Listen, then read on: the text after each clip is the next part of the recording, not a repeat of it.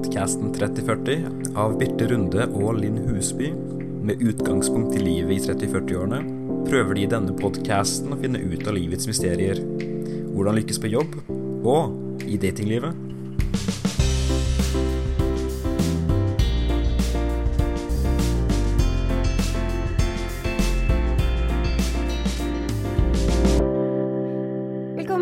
Podkasten 3040-podkasten om media, teknologi, kommunikasjon, gründerliv og selvfølgelig dating. Altså generelt livet i 30- og 40-årene. Ja, Jeg føler jeg må ta en sånn utpust. ja, du ser litt sånn eh, jeg vet, vet ikke, Du er litt sånn Er du litt frustrert eh, i dag, Linn? Altså, jeg bare har lyst til å komme inn her med litt sånn Jeg kjenner på en litt sånn enormt boblende sinne som bare er utrolig tilstedeværende i hele meg, og det er nesten sånn der eh, Det er som en sånn trykkoker som du ikke klarer å sette lokk på. jeg er fly forbanna, rett og slett. Ja, det så litt sånn ut når du kom inn her i dag. Eller jeg møtte deg litt sånn Du hadde noe på hjertet, men- men hva, hva er det? Hva er det egentlig Hvorfor er du så sinna? Ja, egentlig så har jeg spurt meg sjøl litt det spørsmålet òg.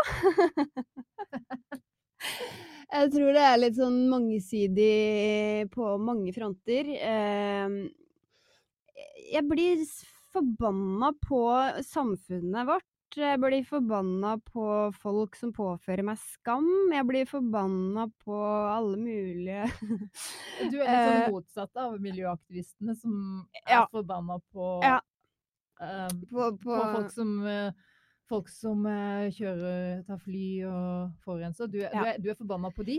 Ja, altså Det ble jo Denne forbannaheten min, eller den uh, sinnet mitt, kom jo da ut uh, altså på sosiale medier, på Facebook her. uh, fordi at nå så har jeg begynt å endelig slappe litt av. Og det var jo uh, ref det vi snakka om sist, med kreften og alt det, som vi skal snakke om kanskje litt mer i denne episoden her. Ja, for du har vært nå sykemeldt en stund og, og Ja. slappa av litt? Ja, jeg har liksom prøvd å slappe av, men i den sykemeldingsperioden, som jo også varte altså i, i august Så du blir sinna av å slappe av? Ja, fordi at Fordi at jeg har, ikke, jeg har ikke hatt tid til å egentlig eh, eh, på en måte reflektere over det som skjedde i sommer, før nå. Nå begynner jeg å slappe av. Nå er alt organisert i forhold til selskapet mitt. Altså, jeg ble syk, og jeg er gründer, og jeg hadde liksom ikke noen til å ta over, og alt eh, er bare fullstendig kaos. Og så, så blir du syk oppi dette her. Og, og da kan jeg ikke Jeg kunne ikke ta inn over meg den uh, forferdelige nyheten, egentlig. For at jeg måtte holde meg fatta, sånn at vi fikk uh, levert videre oppgaver, fått inn en ny daglig leder, alle disse tingene her. Ja, for du, har, du fortalte jo uh, forrige gang at du har fått kreft. Ja, jeg fikk jo livmorhalskreft i sommer etter en vanlig rutinekontroll, som jeg egentlig ikke skulle sjekka meg på før nå i september. Mm. Eh, og alt av det der var jo et stort sjokk. Eh, og har da i den sykemeldingsperioden min egentlig prøvd å omorganisere selskapet mitt sånn at jeg kan slippe alt ansvaret i en Mm. liten periode nå. Så du har gått fra sorg, eh, på Ja. deg, til å prøve å slappe av, og til å bli sinna. Ja, altså den, jeg tenker at egentlig, den sorgen er vel egentlig litt det som jeg kanskje begynner å føle litt på nå. For at eh, det med sinne Jeg vet jo at det er en sekundærfølelse. Nå skal vi bli sånn intellektuell her, da. Men eh, eh, Det det er jeg som har gått familieterapi, jeg kan alt om det. Ja, ikke sant. Mm. Ja. Og det er jo det. Eh, og den eh, hovedfølelsen som ligger under, det er jo redsel. Og, og så er det jo sorg etter det igjen. Men jeg har ikke latt meg selv få lov til å bli egentlig redd i den eh, perioden som har vært nå. For at jeg, jeg, jeg, måtte, jeg kunne ikke det. Jeg måtte bare fokusere videre på de oppgavene som jeg måtte gjøre for at selskapet mitt skal overleve midt oppi dette også, samtidig som jeg sjøl overlever. Eh, og, og, og nå når jeg da har fått outsourca liksom en del av de hovedoppgavene, da kjenner jeg plutselig på at åh, nå kommer det. Det bølger bare opp en sånn derre frustrasjon over hvorfor man blir syk, eh, og at i tillegg nå så skal jeg fly, for at jeg skal på en en liten retreat-ferie til eh, Israel, hvor jeg skal besøke en venninne av meg. Og da kjenner jeg på at den der miljøsaken som har prega valgkampen i, i, Oslo spesielt, da, med, med, MDG i spissen, det provoserer meg altså så ekstremt mye. For da skal jeg plutselig i tillegg Jo, da skal Du kan ikke bli provosert over folk som ønsker å få en bedre klode. Og Thunberg, søte Thun... Det er Thunberg? Eh, ja, Greta Thunberg. Greta Thunberg som er, tok båt til, mm, eh, til, USA for å kjempe miljøets sak, og så er du sinna på de. Det er jo helt Altså, jeg vil si Ja, greit, du kan trekke kreftkortet. og det gjør jeg i alle sammenhenger som jeg kan. Nei, men altså, eh, jeg bare blir så utrolig sint for at jeg kjenner på en skam da for å fly til Israel. Og for meg så spiller det faktisk ikke noen rolle om du flyr til Israel pga. at du har kreft, eller at du drar til Gran Canaria for å ta deg en solferie. Skal, skal, du, skal, du, til Israel nå? Ja, jeg skal det. Jeg skal på en ferietur der nå. Og det er fordi at pga. at jeg nå har fått uh, denne permisjonsperioden og, nå, nå, nå, blir jeg jo ikke sykemeldt i den perioden hvor jeg er der, eh, men jeg tar meg permisjon fra jobben pga. at jeg må nødt til å ha meg en pause nå. Hvis ikke så bare flipper det helt ut. Og Israel? Hvorfor Israel? Nei, det er egentlig bare fordi jeg har en venninne der, da. Ah, ja. Så det er ikke Det er ikke noe sånn der eh, finne seg sjæl, eh, reise til Israel? Det er nok litt det òg, faktisk. Men det er, det er litt tilfeldig. Men, men, i hele denne prosessen så har jeg gått igjennom en litt sånn finne meg selv-prosess. Det har jeg. Så, men i utgangspunktet så er det for å treffe en venninne som jeg ble kjent med i Berlin-tida, når jeg bodde der og var frivillig der, og som da bor i Israel nå. Og vi, bare, og vi har snakka om i mange år, ti år eh, er det siden jeg var der, vi har snakka om det i ti år at jeg skal komme og besøke henne. Og det har aldri passa før nå. Så mm. sånn sett så vil jeg jo si at egentlig litt den eh, kreftsykdommen eh, på en måte har vært en slags gave også, fordi at jeg får lov til å ta meg en friperiode, egentlig. Men jeg blir forbanna på at jeg nå da skal føle skam for at jeg flyr. For for meg det, eh, så hadde vi da en debatt om dette på det innlegget som jeg la ut på Facebook, hvor jeg da gikk veldig hardt ut mot eh, MDG eh, som politisk parti i Norge, og skylder på de for at eh, jeg føler skam for å nå fly.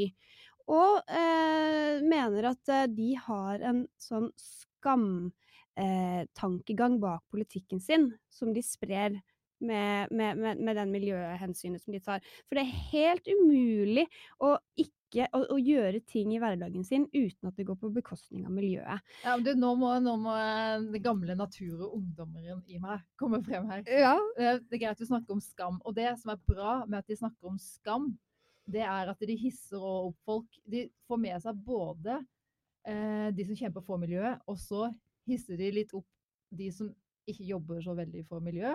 Så de, får, de, drar med seg flere. Det er som å skrive titler i avis. Du er journalist sjøl. Du skaper store titler for å vekke mer oppsikt.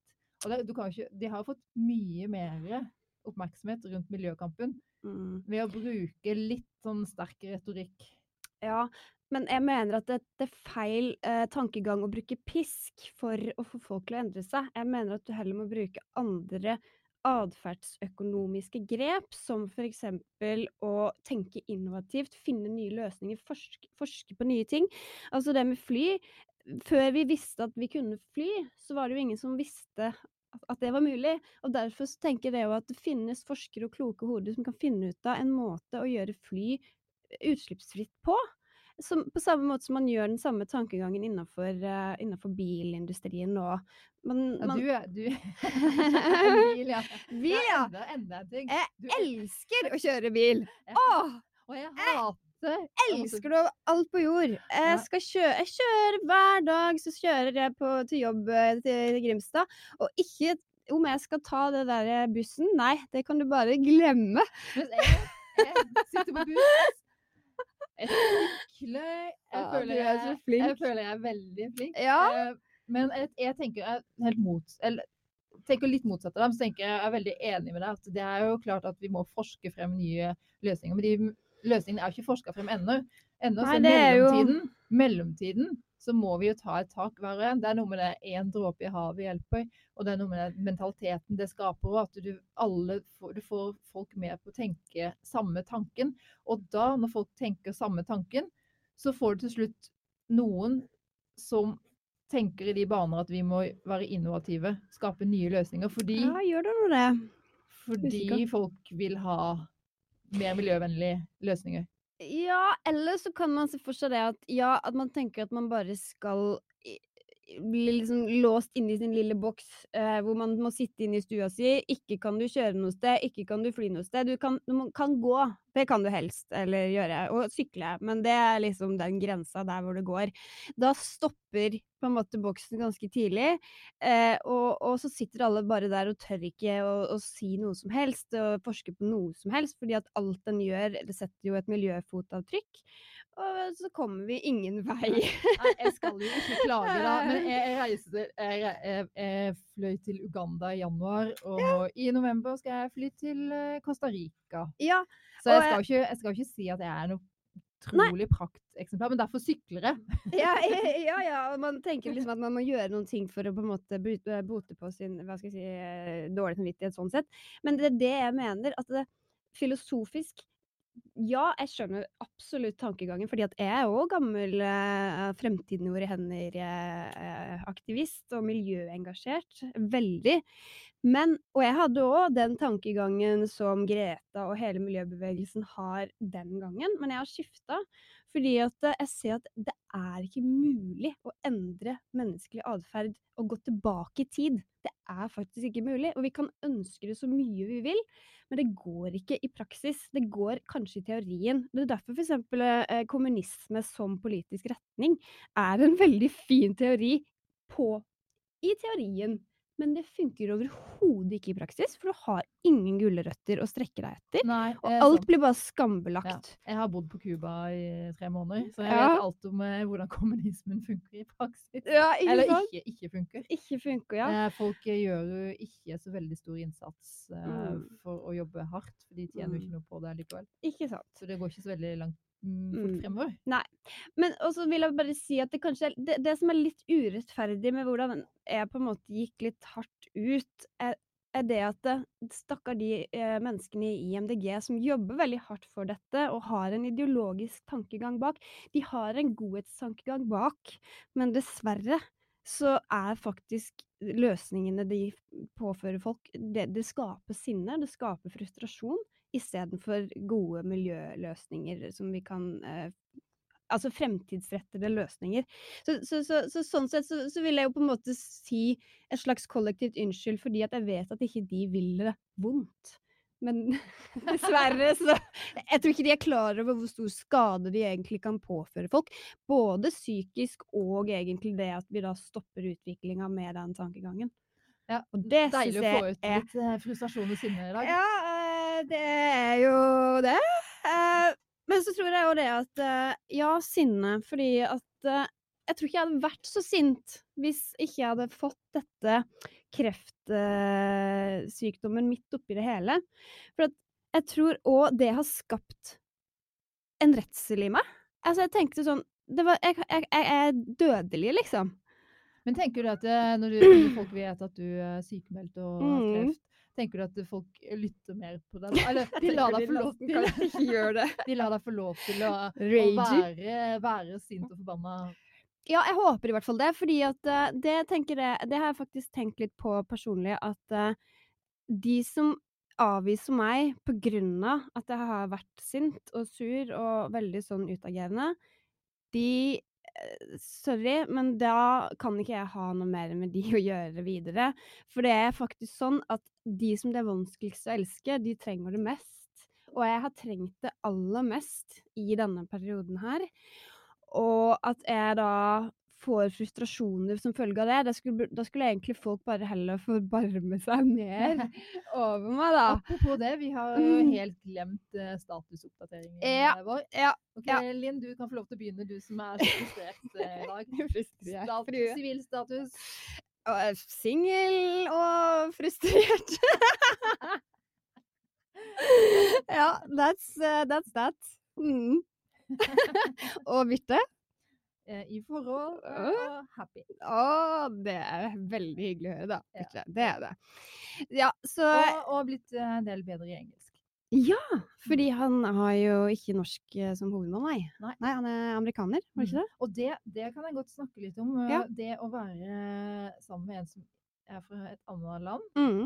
Og når man skal etter hvert Så etter hvert når man eh, går ut fra den bobla hvor man bare er alene sammen, Mm. eh, og skal Ja, utvide litt, Ja. og introdusere for venner Ja. eh, Da går jo All praten er jo på norsk. Mm. Venner, mine venner imellom snakker jo norsk. Og da føler jeg liksom Jeg føler ansvar for Å nei, sitter han og kanskje kjeder seg? ja. eller ikke forstår eh, hva vi snakker om, eller hva de snakker om. Og jeg, Mm. liksom, det var, det var eh, uvant, eh, en uvant eh, ting, det. Å Mm. skal inkludere en i samtale, eller oversette litt hva som vi snakker Ja, om. Jeg skjønner. Mm. Det, det, det er nok bare en, en overgang. ja, og så vil han vel sikkert bli flinkere i norsk også, eller? Ja, vi har en avtale om det. Ja, ikke sant? Men hvor lenge har han bodd i Norge nå, da? Ni år? Ja, burde jo begynne å lære seg litt norsk snart, da. Ja, han kan Mm. det egentlig. Ja, ja, ikke sant. Men det er litt sånn Mm. eh, Det sitter litt langt inne, kanskje. Ja. Mm.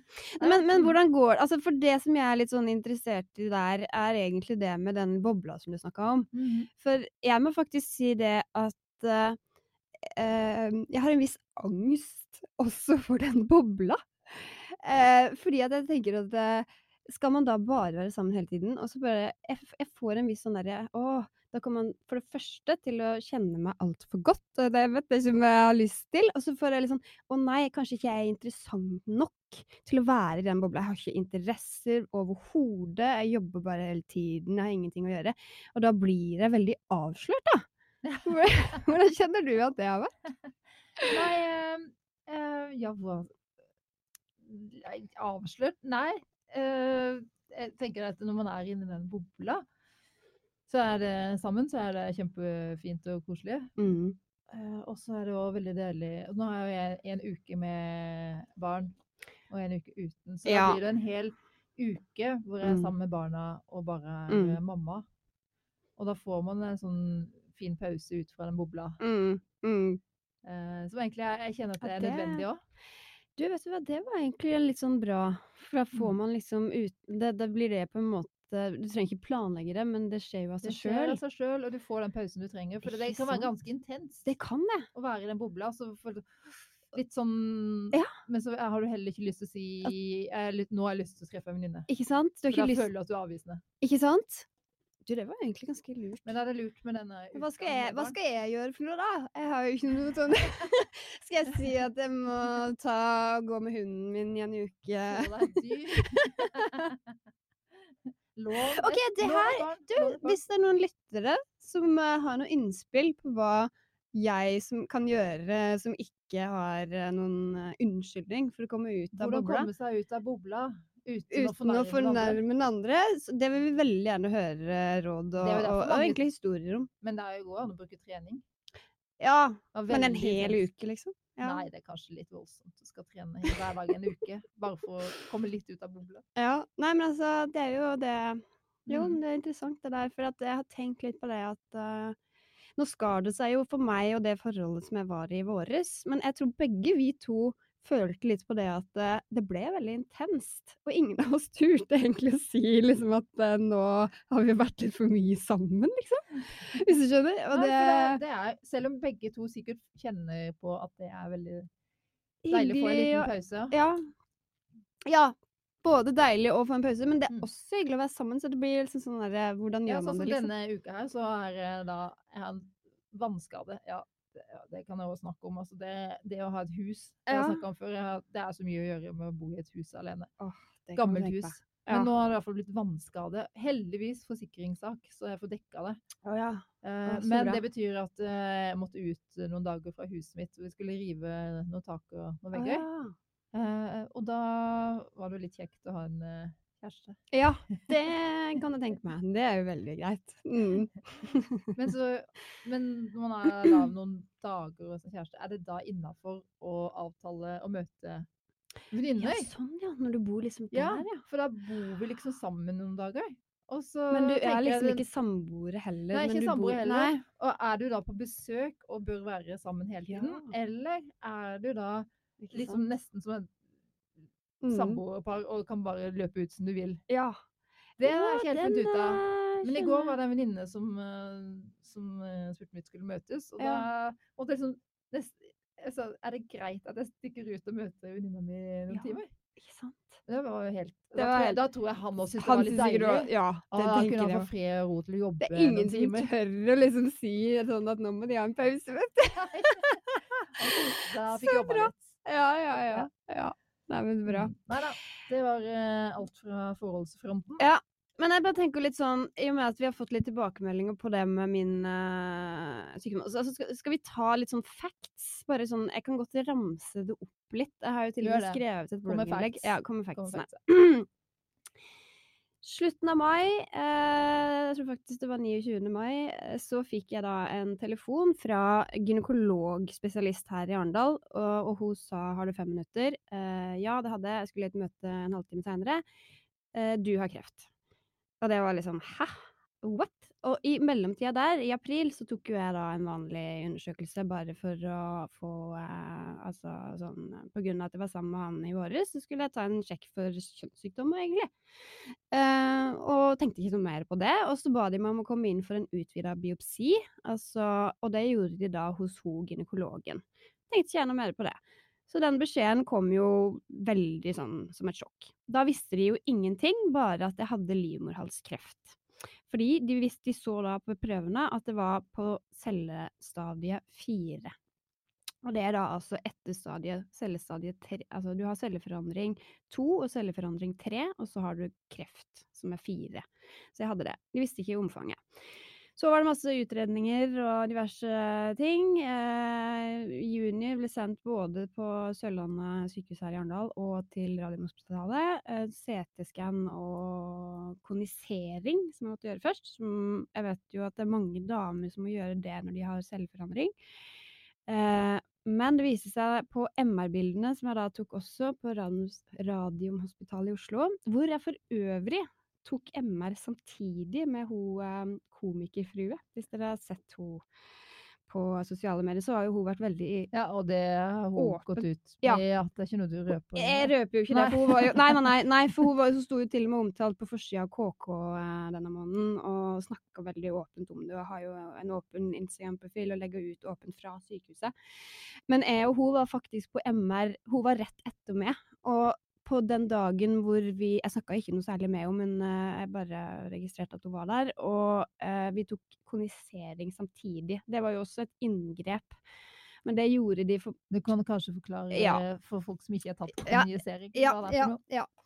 Det jeg har lært, altså så Jeg kunne ingenting om dette her før jeg fikk den beskjeden. Googling, alle mulige ting. Jeg sov jo ikke den natta og begynte å google og trodde jeg skulle dø, og Thea og sjekk deg og alt. Eh, men så fikk jeg da beskjed av gynekologen eh, dagen etter at uh, worst case scenario for din del, sånn som vi ser det, jeg kan ikke være sikker, sa men det er at du må fjerne hele livmoren din. Da vil ikke du ha muligheten for å bli gravid, da, men, men du dør ikke. Eh, og da var jeg litt mer rolig, men det hadde jo selvfølgelig vært en, et sjokk. Og da hadde jeg også måttet, eh, hvis det hadde blitt eh, spredning og, og, og, og såpass at jeg måtte fjerne så mye, så hadde jeg måttet gå på stråling og cellegift også. Jeg har jo sluppet det, men jeg skal komme til det. Så konisering er at eh, når du får celleforandringer i livmorhalsen på stadie to eller tre eller kreft, så kan du ta og fjerne ytterste, ytterste delen av livmorhalsen. Da fjerner du de cellene som det er forandring i, og da forhindrer du at det sprer seg videre. Og de celleforandringene, det kan være fordi at du har fått HPV-viruset. Ja, det er jo som regel det som gjør at du eh, får utvikla kreften sånn i utgangspunktet, men det tar jo fra du får HPV-viruset, så tar du gjerne en ti års tid før du utvikler kreft, da. Ikke sant? Og vi kvinner som er over eh, Altså, det er jo de damene som er under 23 år, eller hvordan det er, som får den HPV-vaksinen gratis, mens vi som er født seinere enn 1993, vi må jo betale den sjøl. Eh, så derfor så har jo ikke jeg Jeg har jo sannsynligvis fått det HPV-viruset for over ti år siden. Og eh, har jo ikke fått noen vaksine som har kunnet forhindre at det utvikler seg til kreft.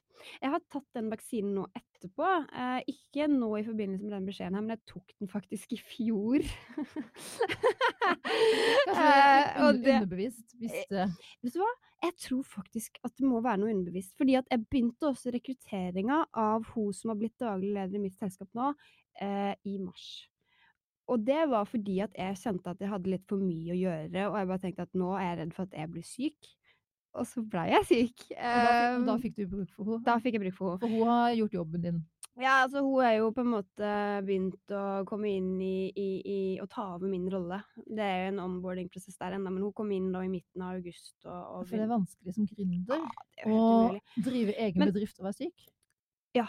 Nei, det er jo helt Og så midt oppi dette her, da Hvis jeg bare avslutter liksom den historien, jeg trenger ikke gjøre den så lang, men, men eh, det som de fant ut at de kunne gjøre med meg, var det at Altså, på MR-bild Jeg tok kondisering før de hadde tatt MR-bildene. Det er sånne røntgenbilder som viser om det er svulst eller ikke. Da så de at det var en svulst lenger oppe i livmorhalsen, som de da måtte fjerne. Men heldigvis var den under to centimeter. Hadde den vært over to centimeter, fem eller seks eller tre eller hva nå enn så hadde jeg måttet fjerne hele livmora. Men den var under to centimeter. Da kunne de bare ta fertilitetsbevarende behandling.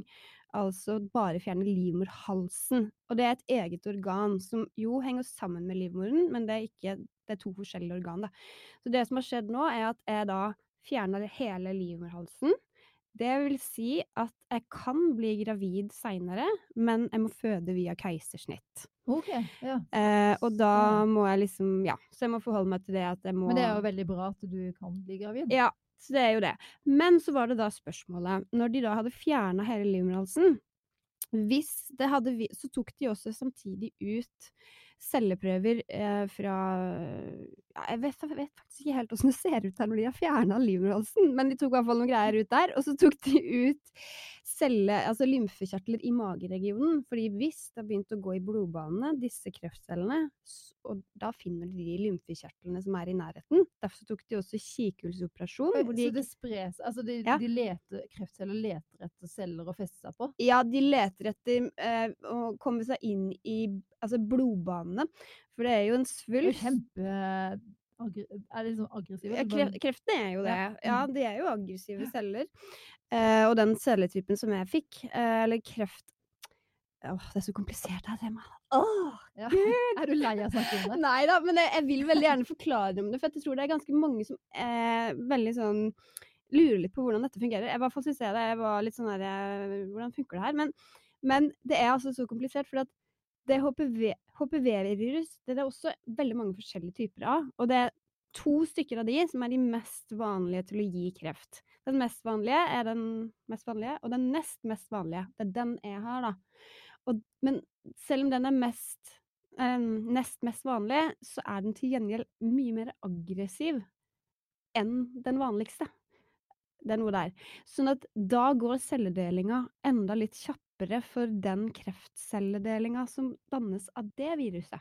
Så du fikk noen sånne raske Altså- Lynraske, aggressive Ja, kreftceller som spredte Nei, det har jo heldigvis da ikke spredt seg, men hadde jeg venta sånn som jeg egentlig skulle Jeg skulle jo egentlig vente til september med å sjekke meg, fordi at jeg hadde jo en fastlege som slutta i april.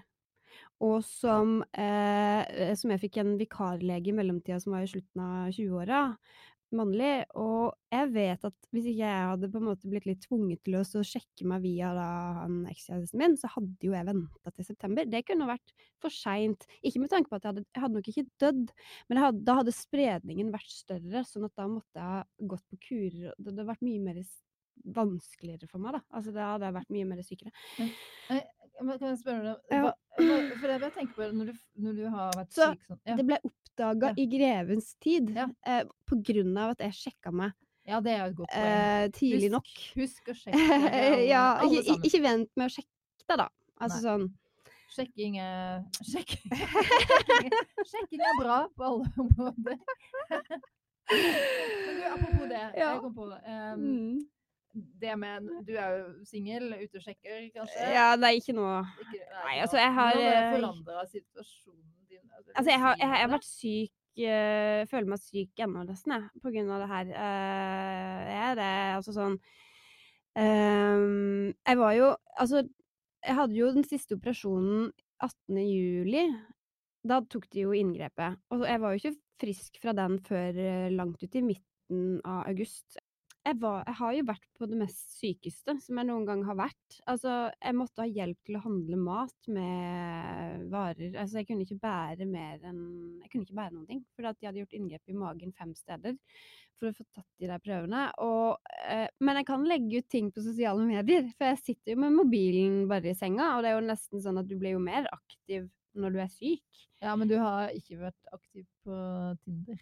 Nei, stemmer. Så jeg har jo da langt Altså, det er jo bare det er jo bare to måneder siden inngrepet, eh, og jeg har jo ikke hatt fokus på å på en måte Altså, jeg har vært for syk kroppslig, føler jeg, da, til å liksom ha energi til å se utover min egen situasjon. Man blir kanskje litt selvopptatt midt oppi dette Ja, men det, det, bare spørre noe, ting, mm. for dette, det må jo gjøre, gjøre noe med forholdet ditt i forhold til det med Ikke forholdet, men eh, Mm. det i forhold til å få barn.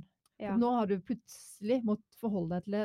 Vi skal gjøre et inngrep, inngrep som gjør at du fortsatt kan få barn, og så Ja. er du singel. Ja. Og kanskje ikke tenkt så veldig mye på, på at det haster, men kjenner du Mm. at det haster? Ja, jeg kjenner at det haster. Ja. jeg tror jeg bare skal være ærlig med det. Jeg kjenner at det haster noe inn i granskauen. Ja, det er, Altså- det er en sånn lydtekniker på den andre siden her. Kanskje han har tid. Ah, Jeg tar imot deg, uff. Det, eh, Eh, tar, Han- Nei, nei, Nei, han, nå, gått. nå har den gått. Nei, søren, da gikk den sjansen fra seg. Nei, men eh, ja, jeg, jeg kjenner at eh, det haster eh, med det. Men eh, ja, så jeg tenker egentlig sånn til neste sommer at eh, hvis ikke jeg finner noen innen da, så må jeg nødt til å ta egne grep. Hvis Og eh, det vil si danskeferja. Danskeferja er jo veldig lett tilgjengelig fra Kristiansand, vil jeg si. Sånn at der Du er det skal altså mulig- da ikke gjøre det på danskeferja, men Nei. Ja, man vet jo aldri. nei da. Men nei, altså det er jo der Stokken. Det er storken i Danmark jeg tenker på. Og hvis så, så tenker jeg det at da tar vi en egen episode på det Ja. seinere. Eh, Jeg kan bli med til Storken. ja, du kan bli med Ja. til eh, Det vil jeg veldig gjerne. Nei, men altså, men, men det én ting er å si at man gjør det, da. Eh, jeg, jeg tror nok allikevel at jeg skal, jeg skal ta og kjenne litt på er det det jeg virkelig vil, og det, det er jo ganske tøft å være alenemor sånn i utgangspunkt. Alle de spørsmålene der. Så det kanskje vi skal ta en egen podkast sånn for og imot eh, storken i Danmark eller ikke. Og så har vi jo fått eh, han eh, en innsender som har jo sagt at, det er, at uh, alenemødre er veldig attraktive på markedet. Det er sant. Og Så- te, kanskje til og med alenemødre uten en far. Ja, Altså, vil jeg sånn, tenke for det er tenker jeg jo egentlig nesten bedre, det. Enn, det er hot, det. Mm, Mm. Men jeg, jeg tenker jo litt på det etiske for barnet sin del, da. Det tenker jeg faktisk ganske mye på. Altså sånn, hvordan vil det være for et barn å vokse opp da uten en far på den måten der? Så hvis det er noen som har erfaring med dette som de kan dele med oss, så vil jeg, jeg vil gjerne høre det. Så. Ja, det er jo stadig flere som, eh, som vokser opp på den måten, både med at de har eh, blitt laga med å ha fått eh, egg, Mm. altså eggdonor, ja, og og surrogati. Ja, det er mange måter å bli født på. Så det, Ja. det er jo mer og mer vanlig Ja. å vokse opp øh, Flere og flere som vokser opp uten å vite hvem som er faren, eller Mm. Ja. hvem som er, har donert egget. Mm. Som, og, og hva er det egentlig å være meg? Mm. Altså, har det noe å si hvem jeg egentlig kommer fra? Mm. Eller øh, hva tenker du? Nei, men jeg bare tenker litt sånn, for jeg, jeg kjenner bare litt at min egen far, det har jo vært bra å ha han, selv om det har vært, han har vært både til stede og ikke til stede, men han kan hjelpe meg med å bygge terrassen og litt sånne type ting. Som Ja, men det kan du få en nabo til å hjelpe deg Nei, det er ikke så lett, faktisk. Det er faktisk ikke så lett å bare få en random nabo til å hjelpe. Men selvfølgelig, man kan betale seg til hjelp, da. Mm. Jeg bare tenker litt sånn Så eneste fordelen med å ha en far Nei! Er Det... Men jeg bare sier litt at stakkars barna vil alle ha Nei, jeg vet ikke. terrasse for.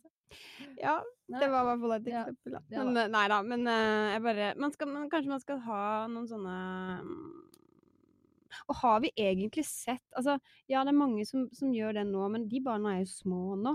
Men har vi sett noen av de vokse opp, og, og, hva sier de voksne av de barna, kan du si? Altså, det har vi jo kanskje ikke fått sett så mye av. Nei, det er jo interessant, for det, det er jo det vi har sett mye av, det er jo adopterte barn. Ja. Som har, mange, mange av de har et sterkt behov for å finne ut av røttene. Ja. Ehm, så kan det hende at det er flere Mm. som, er, som har fått, blitt født med altså sæddonorer, Mm. eh, og vil gjerne finne ut hvem som er Mm. hvor opphavet kommer fra. da. Ja. Det er et sånn iboende behov i å finne ut av røttene. Og kanskje når vi blir litt eldre. Kanskje Mm. ikke med når vi er små, men uh... Ja. Nei, ikke sant? Mm. Fordi at uh, Ja. ja. Men du, Mm, apropos det, ja. er fint, det er fint med barn, altså, å ha barn. ja. Men det er sånn, nei, nå fikk jeg en melding altså, Veldig mange meldinger nå fra den mellomste sønnen min på 15, som er på høstferie i Bergen Ja. akkurat nå. Og så er det, det er liksom det er ingen sånn 'Hei, har du det bra hjemme, mamma?' Nei, det er sånn Kan, altså, kan jeg få Kan jeg få noen sko til 900? Trenger noen? Uten noe smiletegn. Ingenting. Ja. ikke hei. Nei. Nei. Ikke noe Ja. sånn uh, Ja. smalltalk eller Ikke sånn small, Rett eh, på sak. mm. Hils, ikke noe hilsen. Ikke klem. Jeg Nei. venter jeg med Jeg kan svare På de sånne meldinger så pleier jeg å svare Hei, har du det bra du også? Ja, ja, ja, ja, ja. Nei, altså det er på en måte Det er et pengesluk uten like. Mm, ja, det er pengesluk med barn. Ja, det er dyrt. Særlig med tenåringer. Uff a meg. Ja. Og ja, Det var bare en liten eh, ja. digresjon, bare for jeg fikk den meldingen eh, nå. Så Ja, ja, ja, ja, sette, sette deg litt inn i ja. litt, av, altså. litt av det med å ha barn. ja. Og det kan godt hende at jeg ikke skal ha det. Altså, det er ikke alle som skal ha det. Så det jeg tror jeg skal tenke jeg skal Du er, ikke, jeg enda, du er jo så ung, du er jo 30-åra. Ja, men nå altså begynner jeg virkelig å nærme meg 40-åra. Altså, jeg føler meg ikke ung lenger. Men ja. Ja, Whatever. Nei, men du, nå begynner eh, Ja. begynner vi å komme til Ja. en eh, veis ende her i denne Ja. podkasten. Og vi har, vi har snakket om liv og død og sykdom og sinne og liksom- alt som er. Eh, hvis jeg bare kan si at det liksom avslutter med at det, det går jo bra med meg nå.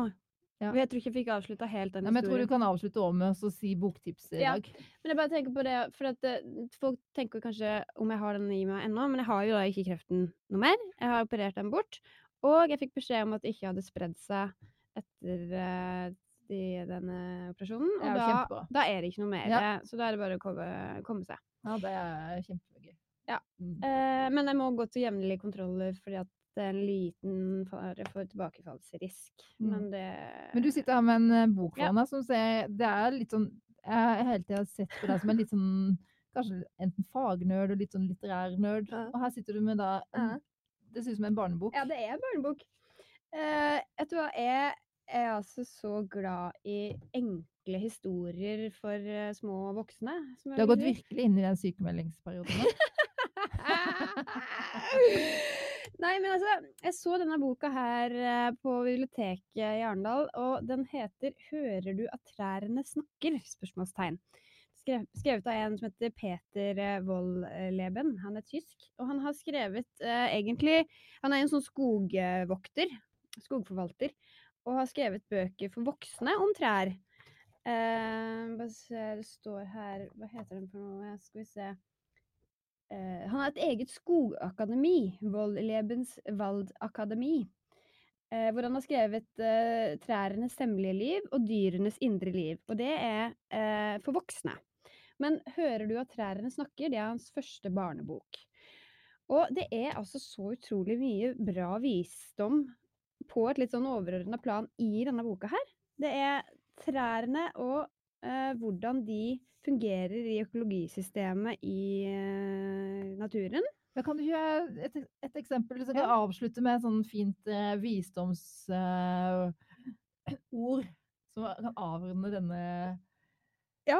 podkasten som er om litt sånn dypere Ja, ja fra liksom denne Ja, Les litt for meg. Oi, nå kommer det litt brått på her. Men, men, men nå skal vi se. Nå slår jeg opp på